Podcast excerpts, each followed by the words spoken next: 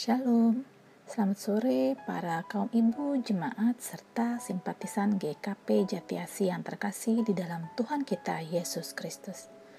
Apa kabar?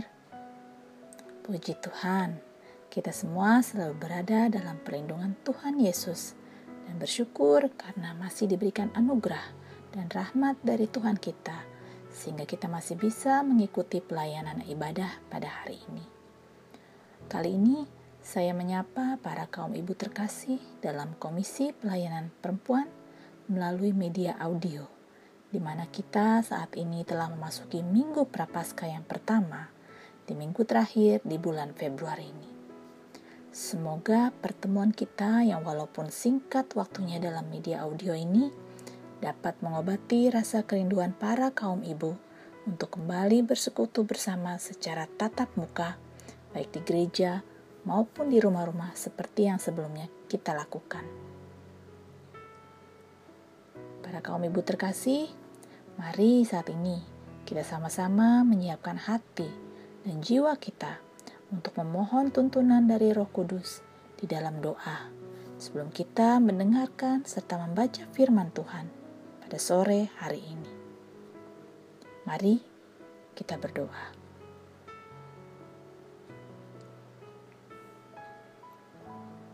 Bapa yang Maha Baik, saat ini kami datang menundukkan kepala kami untuk berdoa dan memohon akan kasih serta karuniamu untuk hadir di tengah-tengah kami. Kami akan memulai ibadah pada sore hari ini, walaupun dilakukan secara virtual dan mandiri melalui media audio, namun kiranya tidak mematahkan semangat kami untuk tetap melayani dan memuliakan Tuhan.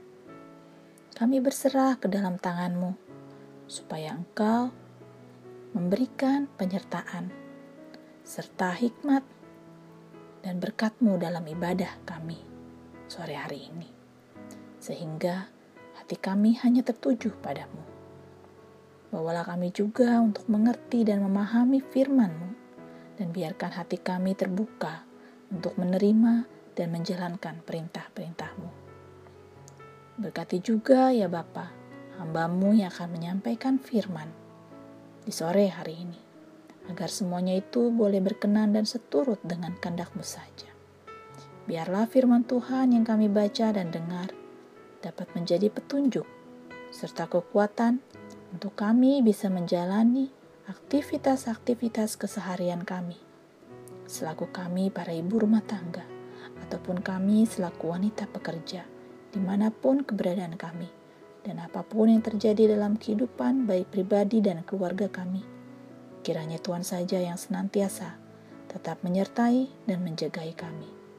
Hari ini, esok, dan sampai seterusnya. Berfirmanlah ya Bapa, karena kami telah siap untuk mendengar. Dalam nama Tuhan Yesus kami berdoa. Amin.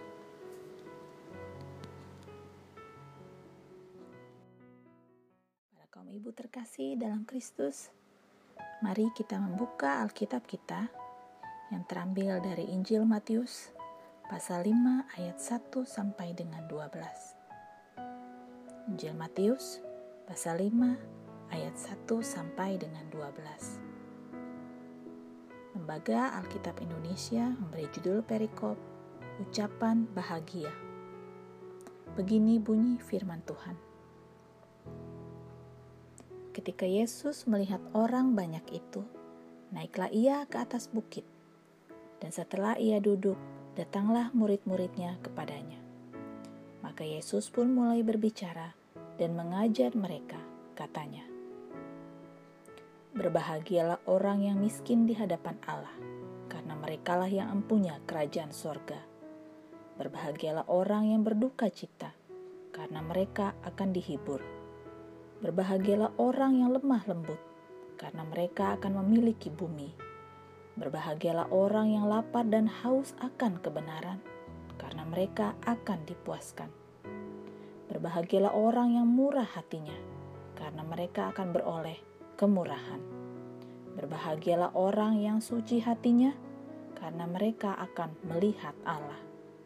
Berbahagialah orang yang membawa damai, karena mereka akan disebut anak-anak Allah. Berbahagialah orang yang dianiaya oleh sebab kebenaran, karena merekalah yang empunya kerajaan sorga. Berbahagialah kamu jika, jika karena aku kamu dicela dan dianiaya, dan kepadamu difitnahkan segala yang jahat. Bersukacita dan bergembiralah, karena upahmu besar di sorga. Sebab demikian juga telah dianiaya nabi-nabi yang sebelum kamu. Sedemikian jauh pembacaan firman Tuhan kita.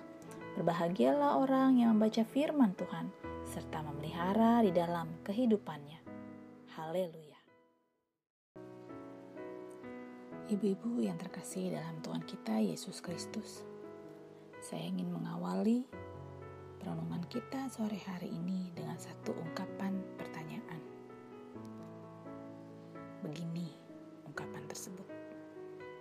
Untuk apa hidup diupayakan jika ujung-ujungnya manusia mengalami kematian? Untuk apa hidup diupayakan jika ujung-ujungnya manusia mengalami kematian? Ungkapan pertanyaan tersebut bisa timbul ataupun datang saat manusia mengalami situasi hidup yang berat dan saat manusia mengalami pergumulan hidup yang sangat pelik. Memang sesungguhnya tidak ada seorang pun yang menginginkan hidupnya dihampiri pergumulan. Namun sesungguhnya tidak ada seorang pun yang hidupnya tidak pernah tidak mengalami pergumulan. Karena pergumulan merupakan bukti ataupun ciri kehidupan masih berjalan.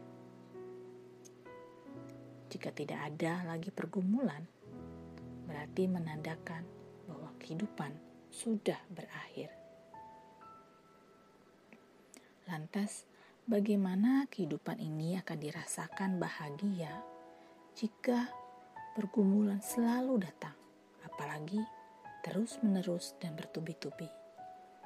Bisakah kebahagiaan dirasakan jika hidup ini begitu sulit?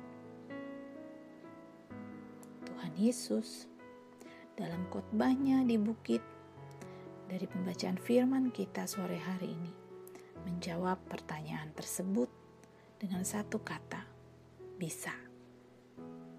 Dan ia menyampaikan sabda tentang kebahagiaan yang merupakan hak dari setiap orang hidup, dari setiap manusia. Dan ini menjadi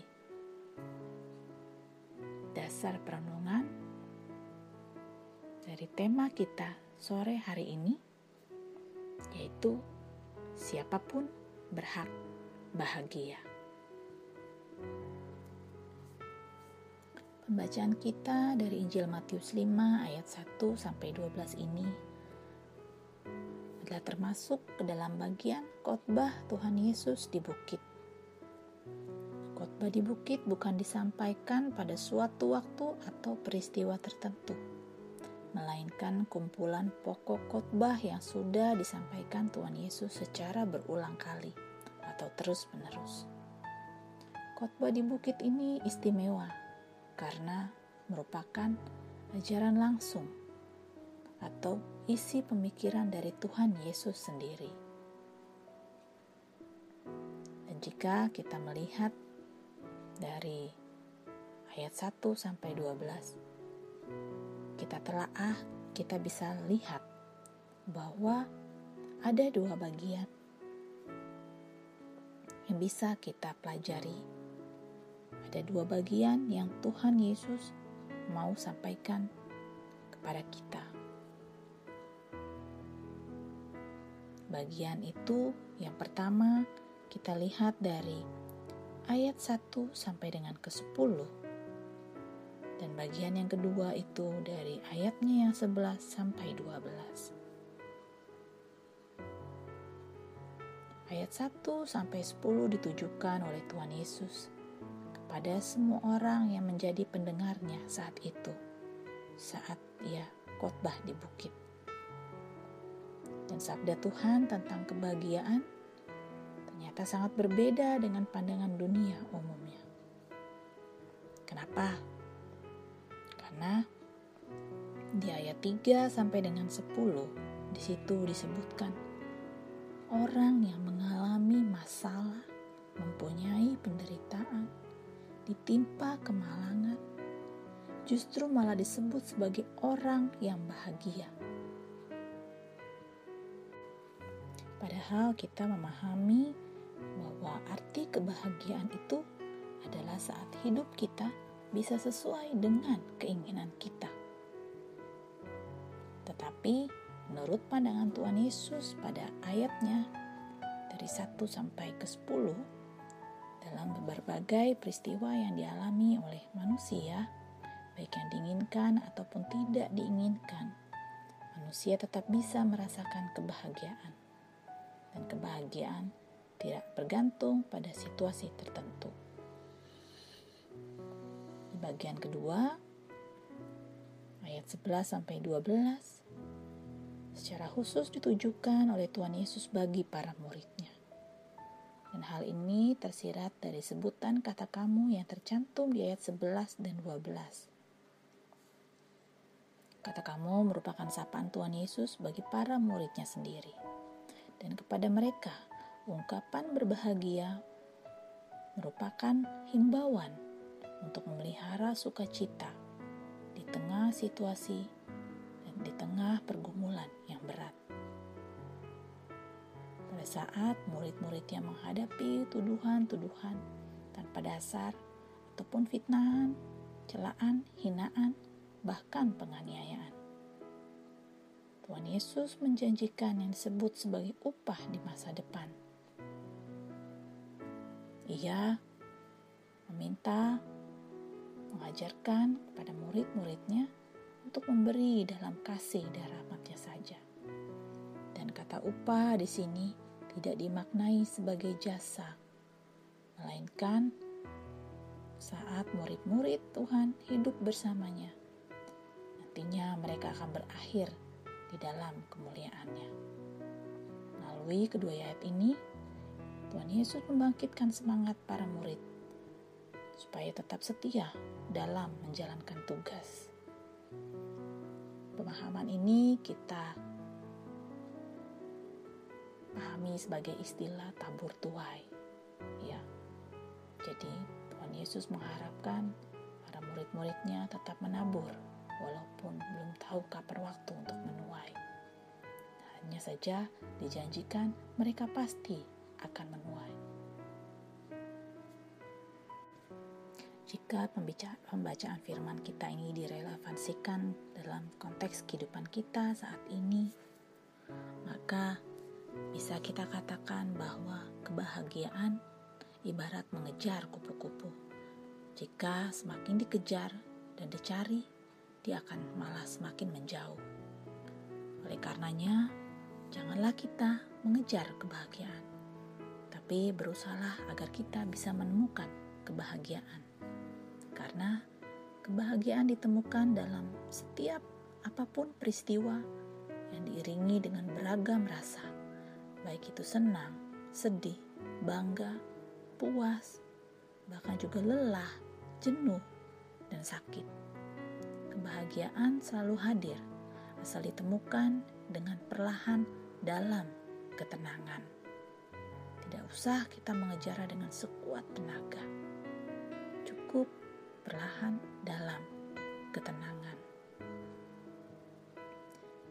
Ketika kebahagiaan bergantung pada situasi, maka niscaya manusia akan mudah goyah, jatuh, dan terpuruk. Tuhan Yesus memberi pandangan secara tepat bahwa kebahagiaan sifatnya tidak hilang oleh karena keadaan. Dan pandangan yang disampaikan bagi pendengar yang saat itu mendengar khotbahnya di bukit agar kehidupan mereka dilalui dengan pergumulan yang mengindikasikan harapan dari Tuhan Yesus agar mereka semua dipenuhi dengan kebahagiaan.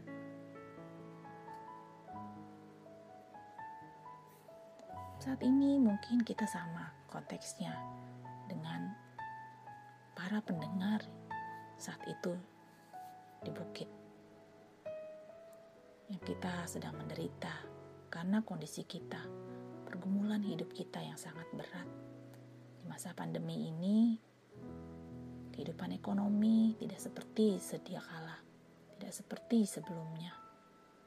Mungkin ada dari beberapa kita yang harus mengupayakan untuk bisa membantu pasangan hidup kita untuk membiayai kebutuhan hidup dan juga membiayai kebutuhan mungkin pendidikan anak-anak kita. Saat ini kita sedang berada dalam masa ataupun proses untuk keluar dari pergumulan kita menderita mungkin karena kita terjajah dalam kondisi pandemi saat ini. Namun, kita percaya bahwa ucapan bahagia yang diucapkan Tuhan Yesus dalam pembacaan firman pada sore hari ini meyakinkan kita bahwa kebahagiaan bukan sesuatu yang mustahil untuk dirasakan. Kebahagiaan adalah sesuatu yang sangat bisa ditemukan dan bisa dinanti-nantikan. Situasi kehidupan kita yang mungkin memang buruk, sedang terpuruk, itu tidak dapat menghalangi perasaan bahagia. Kita bisa flashback atau kita bisa refleksi. Sudah sampai satu tahun kita bergumul dengan masa pandemi Sudahkah kita temukan kebahagiaan itu? Momen-momen kecil mungkin kita rasakan sangat berarti. Itu bisa membantu kita menyadari betapa bersyukurnya kita sudah diberikan rahmat dan anugerah dari Tuhan.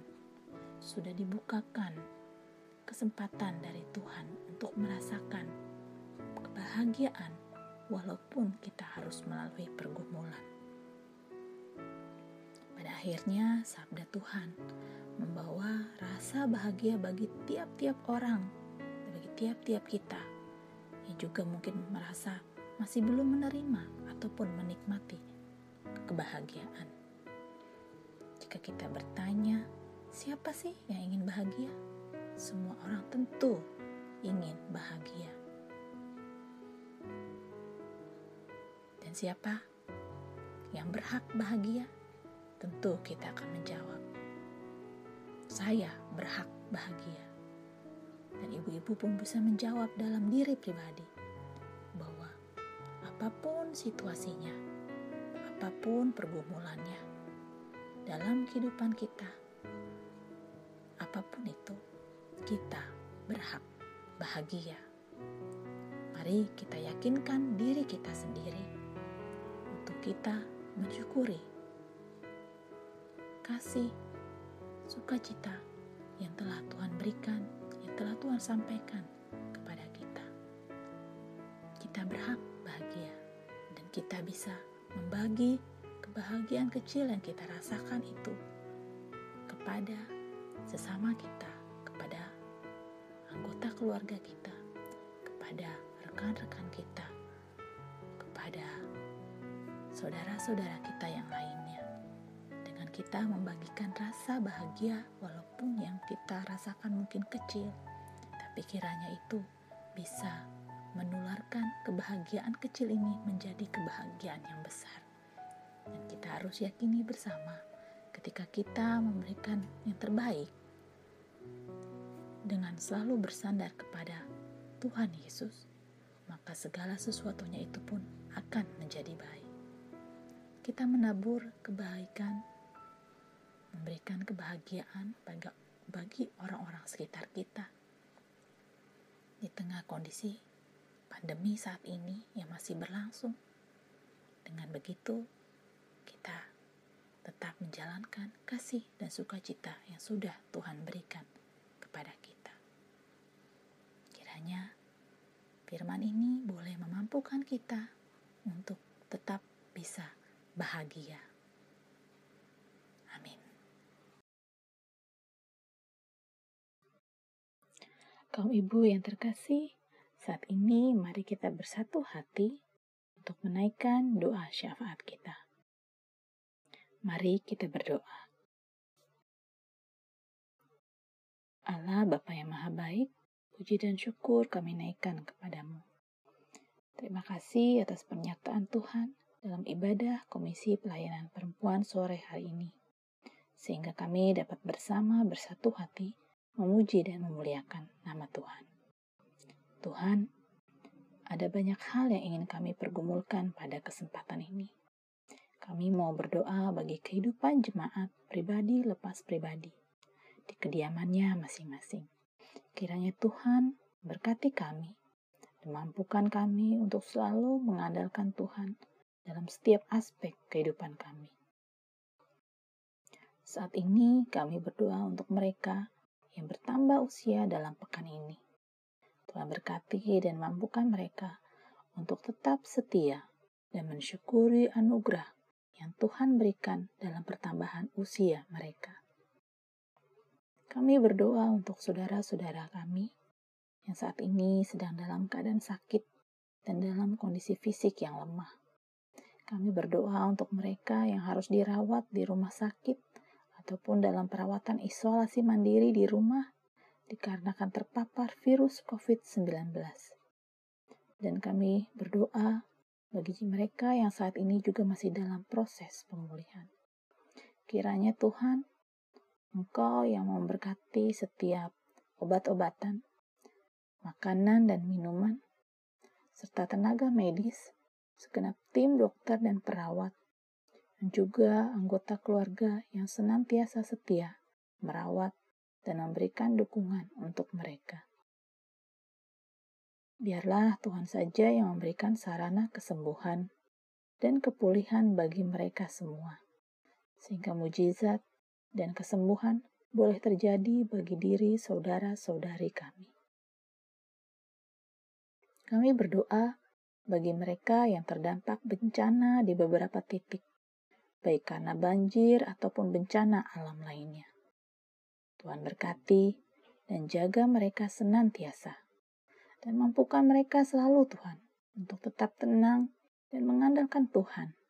Sehingga walaupun dalam situasi dan pergumulan yang sulit, mereka senantiasa bisa merasakan damai dan sukacita atas penyertaan yang Tuhan berikan dalam diri mereka pribadi maupun keluarga. Dan tetap percaya kepada janji Tuhan seperti yang sudah kami baca dan dengar dalam tema renungan sore hari ini bahwa kebahagiaan bukanlah suatu hal yang mustahil dan tidak mungkin dirasakan, walau dalam situasi dan kondisi pergumulan sesulit apa pun.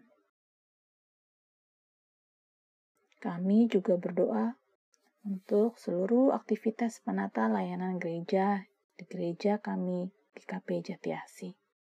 Kiranya Tuhan senantiasa mendampingi dan memberkati semua keberadaan dari penata layanan di dalamnya. Majelis jemaat beserta pendeta di dalamnya, seluruh pengurus komisi, pengawas perbendaraan jemaat, komisi pembantu setempat, dan unit sekolah beserta guru-guru taman kanak-kanak, dan juga guru-guru sekolah minggu, serta para keluarga jemaat dan simpatisan di Gereja Kristen Pasundan Jemaat Jatiasi, agar kiranya tetap diberikan kekuatan supaya terus mampu memberikan pelayanan yang terbaik, walau dalam berbagai kondisi keterbatasan di masa pandemik ini. Kami berdoa juga untuk bagi bangsa dan negara kami dalam segala keberadaannya. Kiranya Engkau senantiasa memberikan perlindungan bagi bangsa dan negara kami, Indonesia. Terlebih dalam segala upaya vaksinasi yang dilakukan, sehingga segala sesuatunya boleh terdistribusi dengan baik. Dan Tuhan, kiranya Engkau mau jauhkan kami dari bencana, malapetaka, serta pertikaian antar suku dan agama. Satukan hati kami semua ya Tuhan, untuk bisa memberi dampak yang baik bagi bangsa dan negara ini. Tak lupa juga ya Bapak kami naikkan doa untuk para pemimpin kami. Presiden, wakil presiden, para pimpinan hingga jajaran staf yang ada di bawahnya, baik yang ada di pusat maupun di daerah. Kiranya Tuhan, Engkau senantiasa memberikan mereka hikmat dan kebijaksanaan, kejujuran, sifat yang adil dan juga sifat dan sikap yang takut akan Engkau ya Bapak. Nah, dengan demikian mereka bisa menjalankan tugas dan tanggung jawabnya sesuai dengan kehendak Tuhan saja.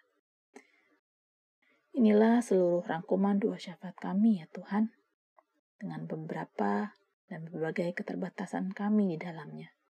Namun kami percaya Tuhan, Engkau mendengar doa kami. Dan Tuhan menjawabnya dengan cara Tuhan yang senantiasa mendatangkan damai sejahtera dalam kehidupan kami. Kami naikkan doa yang jauh daripada sempurna ini di dalam Tuhan kami Yesus Kristus yang senantiasa mengajarkan kami berdoa demikian. Bapa kami yang di surga, dikuduskanlah namamu, datanglah kerajaanmu, jadilah kendakmu di bumi seperti di surga. Berikanlah kami pada hari ini makanan kami yang secukupnya. Ampuni kami akan segala kesalahan kami, seperti kami juga mengampuni orang yang bersalah terhadap kami dan jangan lambu kami ke dalam pencobaan, tetapi lepaskanlah kami daripada yang jahat, karena Engkaulah yang punya kerajaan dan kuasa dan kemuliaan sampai selama-lamanya. Amin. Ibu-ibu yang terkasih dalam Tuhan kita Yesus Kristus. Demikianlah ibadah Komisi Pelayanan Perempuan pada sore hari ini. Biarlah firman Tuhan yang kita dengar bersama-sama tadi boleh tinggal tetap di hati kita masing-masing. Dan kiranya menjadi kekuatan bagi kita bahwa dalam hal apa pun, situasi, kondisi di kehidupan kita, kita dan siapa pun itu berhak bahagia. Sampai jumpa dalam ibadah kita selanjutnya. Tetap sehat, tetap semangat, dan tetap bahagia. Selamat sore. Tuhan Yesus memberkati.